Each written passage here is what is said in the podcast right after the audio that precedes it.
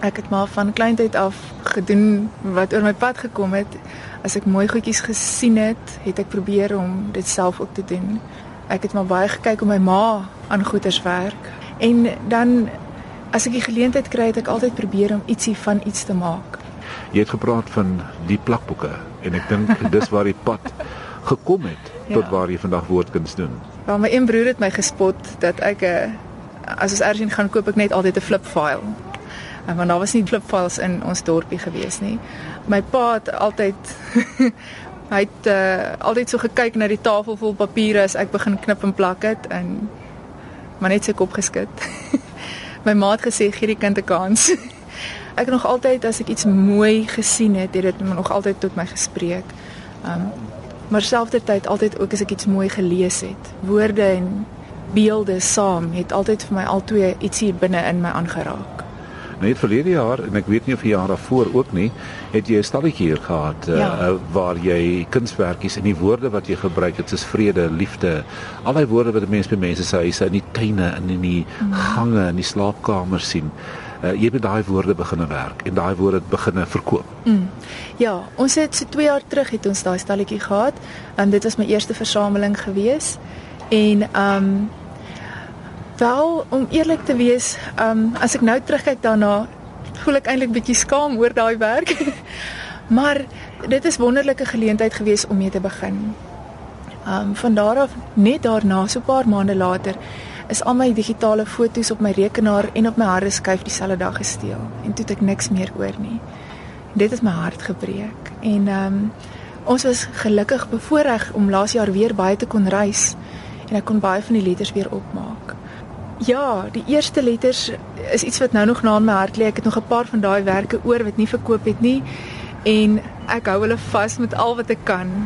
Um ek kan hulle nie recreate nie. Ek kan hulle nie weer um oormaak nie.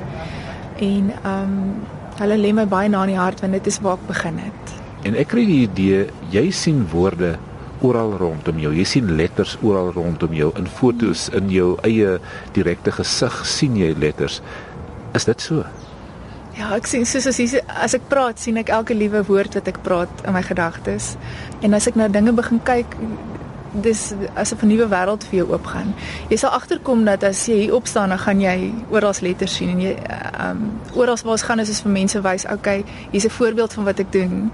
Dan gaan hulle uit en hulle sê, "O, jene, ons het vandag het ons hierdie en hierdie en hierdie letters gesien." Ek het 'n tannie gehad by die uitstalling nou die aand um, wat vir my gesê het, "Hey ma, ek was nou in die Kaap gewees en ek het vir jou letters met my selfoon afgeneem. Kan jy dit gebruik?" En ehm um, so mense raak baie opgewonde daaroor as hulle begin sien dat oral rondom ons is daar eintlik letters wat met ons praat. En wat werklik lekker is is om die verskillende tipes letters te kan kombineer om 'n geheel te vorm. As ek net wil vir luisteraars verduidelik dat as jy praat van letters rondom ons, dan is dit letters wat gevorm word deur enigiets. 'n Baksteen kan 'n letter vorm, 'n paal, 'n boom, 'n blaar.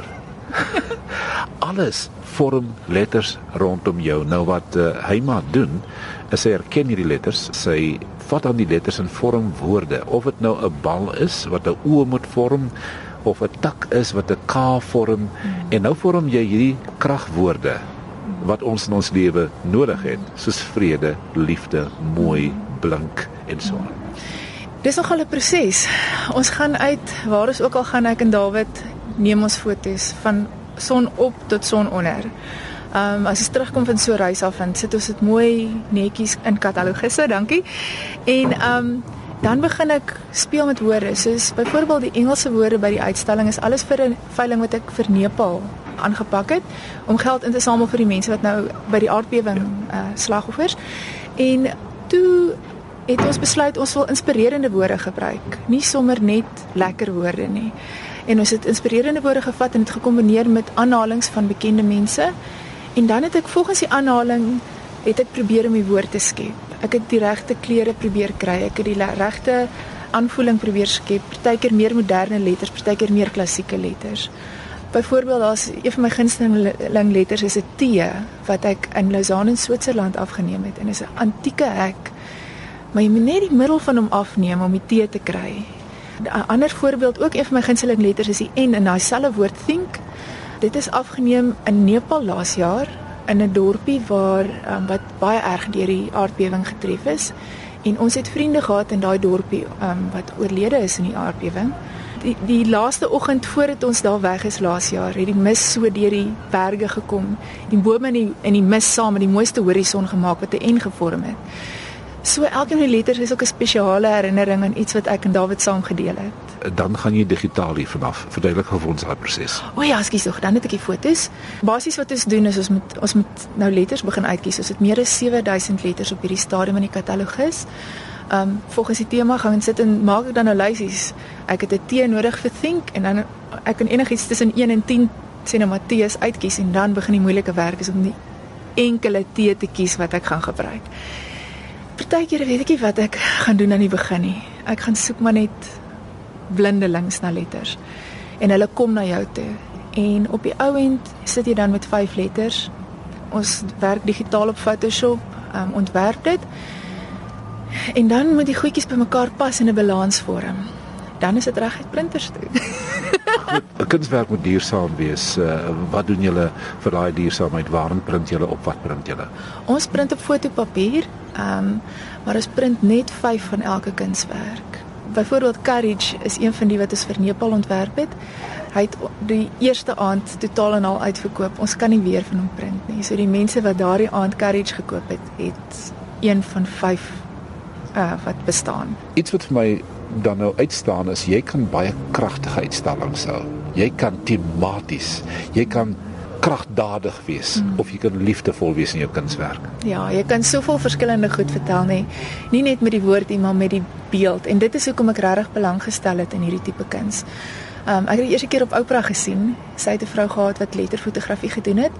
En ek het gedog, "Jessie, dis twee van my gunsteling goeters, beeldende kuns en dan um die krag van woorde. Die krag van woorde alleen is so sterk dat dit soveel emosies in jou kan losmaak, maar as jy dit kombineer met wat jy kan sien, ehm um, hoe lig deurkom, hoe lig deurkom veral in donkerte en dit was wat courage was. Dit is donker letters en hierdie klein ligstreepies wat oral uitgekom het om die woorde te vorm. Ehm um, jy kan regtig soveel so speel daarmee nie. Byvoorbeeld think, uh as jy nou nog gaan kyk in die galery, is baie wasig. amper swart en wit, maar nie heeltemal nie. Nie te strak nie, maar nie te helder nie. En die gedagte wat ek daar wou skep is net dat ons gedagtes is regtig so abstrak. Jy kan dit amper nie daaraan raak nie, maar dit kan soveel die quote wat daarby gaan is you become what you think about. Dat jou gedagtes werklik 'n groter deel van jou lewe is. Al kan jy dit nie sien nie, al kan jy ja. dit nie voel nie. Ehm um, so probeer ons half die konsep saambind.